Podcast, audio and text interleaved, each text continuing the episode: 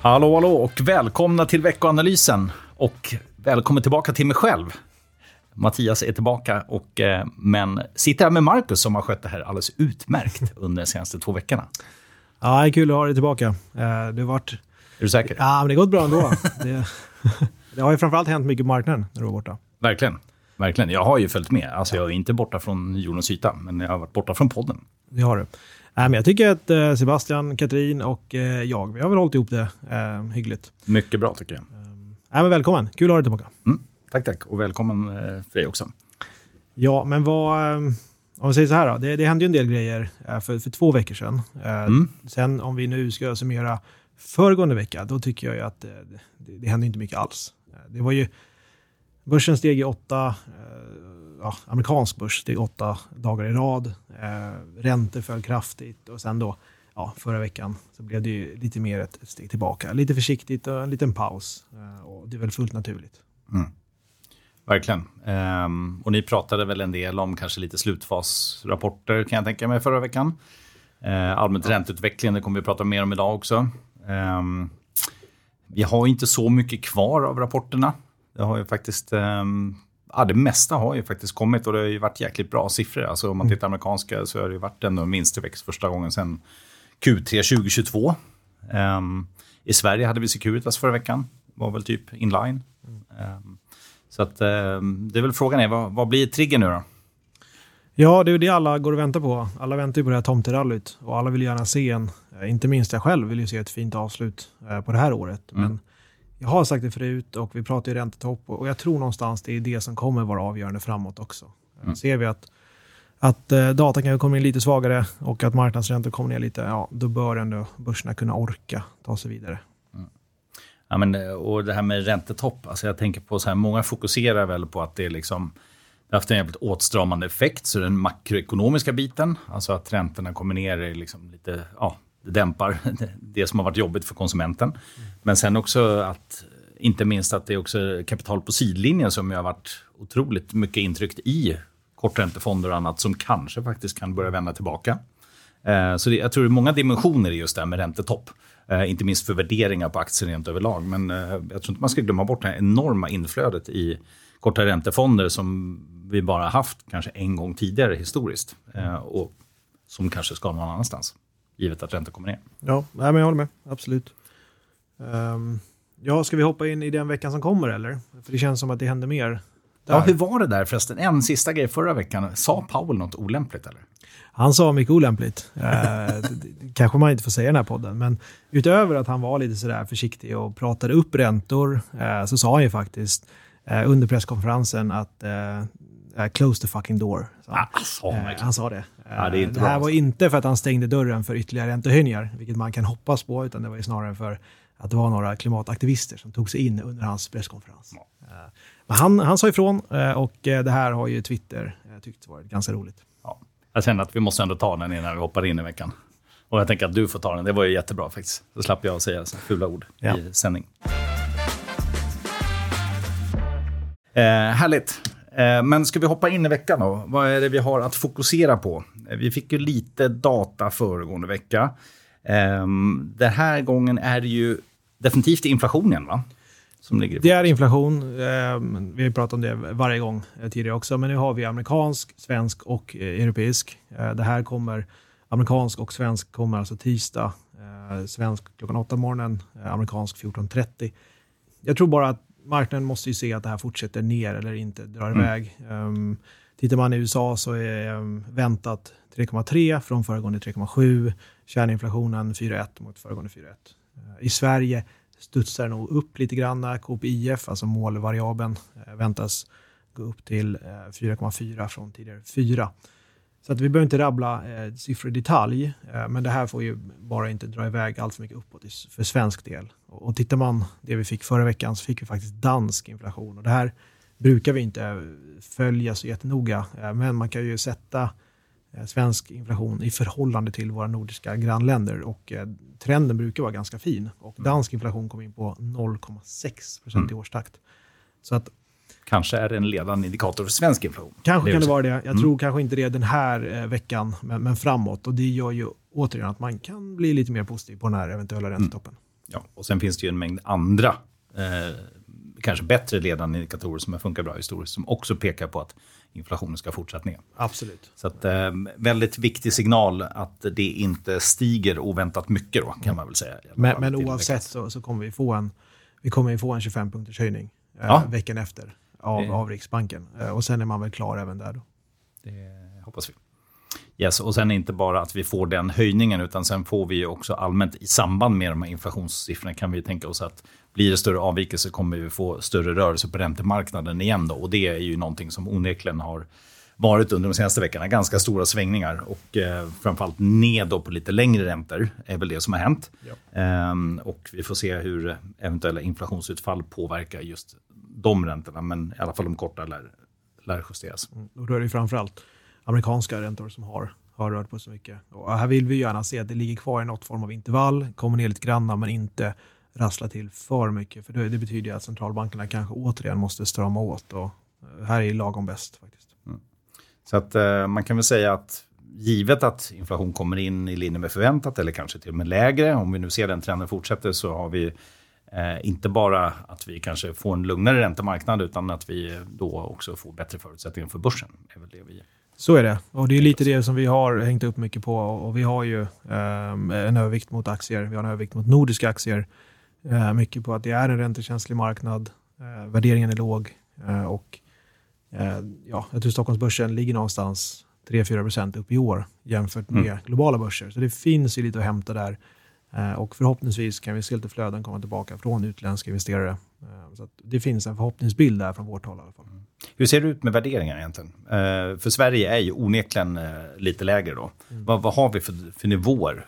Liksom, om man säger P-tal känner de flesta till ändå på något Ja, sätt. eh, vanligtvis så är ju amerikanska marknaden den är ju dyrast, ligger runt eh, 18, eh, ligger ju runt sitt historiska snitt. Eh, tillväxtmarknaden är oftast billigast eh, för det är större risker där, både politiskt och, eh, eh, och andra risker. Sverige eh, brukar ligga någonstans ja, lite över 15 eh, om man kollar på historiken.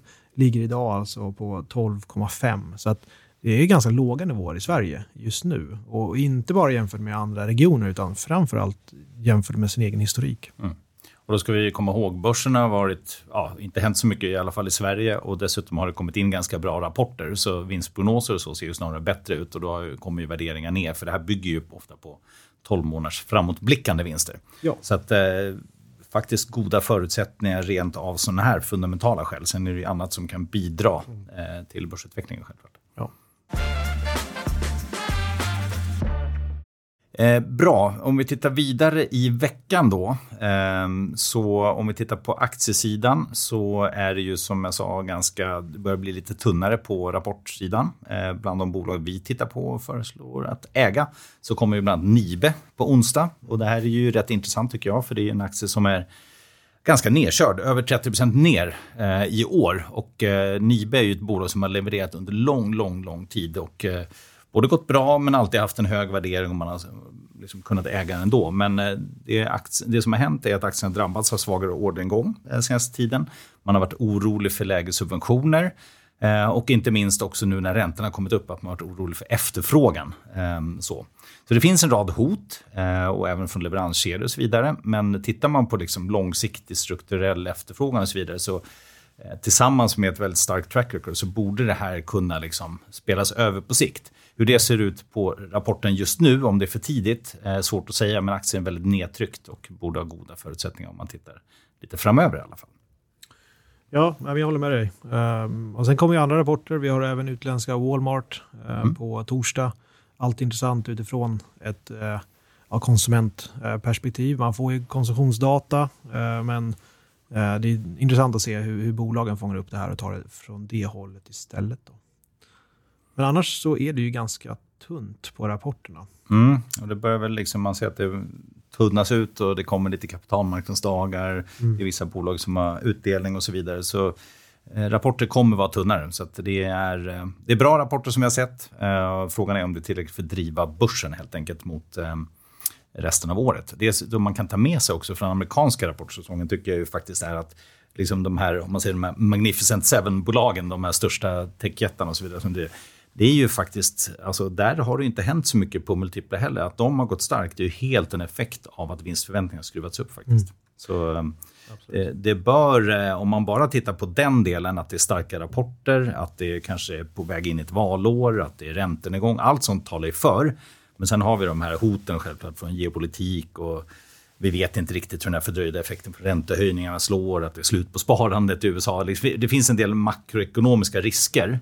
Um, och mycket väl kan vi säkert kanske nå en recession, men det behöver inte påverka börsen i så stor utsträckning. Det är väl liksom så vi tänker, eller hur?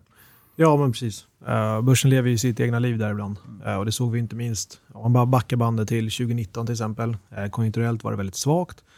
Men eh, centralbankerna ångade på och, och eh, stöttade börserna. Så det gäller att hitta det som är drivande. Och just nu så är det faktiskt inte konjunkturen eh, alla gånger. Annars tycker jag det är en ganska spännande sak som händer här eh, under veckan. På onsdag så träffas ju faktiskt eh, Biden och eh, Kinas president Xi Jinping. Och det här är ju första gången på ganska länge. Ehm, Xi Jinping kommer till San Francisco. och Det finns ju Ja, man ska nog inte vänta sig allt för mycket från det här. Ehm, men det intressanta tycker jag är att, att Biden har fortsatt på samma linje som Trump och kört ganska hårt, har gått ganska hårt åt Kina. Eh, man har ju förbjudit amerikanska företag att, att exportera eh, mjukvara och olika utrustningar för tillverkning av eh, halvledare i Kina till exempel. Och, och Kina å andra sidan, de har ju ganska mycket problem. De har ett ganska jobbigt läge med fastighetskris, en hög ungdomsarbetslöshet och en ekonomi som inte riktigt tagit fart här sen, sen pandemin. Och från deras håll tycker jag att, att man har börjat se lite mjukare tongångar. Eh, deras vicepresident eh, sa ju häromdagen att eh, Kina är redo att arbeta med USA på många olika plan och många olika nivåer. Och det här är ju någonting nytt. Så man börjar väl bli lite mer beroende av omvärlden. Men sen kommer ju Kina fortsätta. Menar, de kommer inte ändra ståndpunkt i frågan om Taiwan och, och Sydkinesiska havet. De kommer fortsätta på, på den linjen. Men jag, jag, tror att ingen av nationerna vill se en, en försämring av relationen. men Biden har ju också ett val här eh, framåt som han måste visa att han går åt Kina ganska hårt, för det är ju en viktig fråga eh, när det kommer till amerikanska eh, väljare faktiskt. Mm. Ja, spännande naturligtvis. Alltid med Kina. Det har ju ändå varit en... Ja, men jag tycker ändå... Ska, jag kanske inte ska kalla det för besvikelse, men en liten... Lite mindre kraftig återhämtning i alla fall, eller snarare en fortsatt nedgång av ekonomin än vad man kanske har tänkt. Och Eh, det kommer faktiskt på onsdag kommer också från Kina industriproduktion och tallarnas siffror, men det är ju mer dämpade tal rent överlag och man ser ju investeringar i Kina minskar från utlänningar och ja, det, det är liksom inte så att det blir en ökad handel direkt, utan eh, snarare fortsatt eh, mer protektionistiska drag så allmänt i världen. Ja. Eh, och det här kommer man ju säkert beröra. Absolut. Och Kina, som man tittar på börserna eh, i sig, så har de haft det tufft när, när amerikanska dollarn är så stark som den är också. Många mm. EM-länder eller tillväxtmarknader har ju, har ju tufft i sånt läge. Absolut. Um, I övrigt då, eh, något vi inte har nämnt är ju faktiskt det här rejält fallande oljepriset. Det fortsatte ju faktiskt förra veckan, ner 6% till. Eh, och är ju faktiskt i år nu ner runt 5 eh, Det trodde vi inte för ett tag sedan. Nej, och verkligen inte i samband med eh, den här geopolitiska oron i Mellanöstern. Så det här är ju en signal om att marknaden har gått vidare och inte ser det här som något eskalerande. Men sen kan vi också läsa in en, en konjunktursignal i det här. Mm. Verkligen. Ja, det är ju alltid. Ibland är det efterfrågestyrt, ibland är det mer utbudsstyrt priset. Ja. Och just nu så känns det som att man fokuserar lite grann på, på vikande efterfrågan. Ändå. Absolut. Men du, med det sagt så tiden börjar närma sig slut. Hade du någonting mer?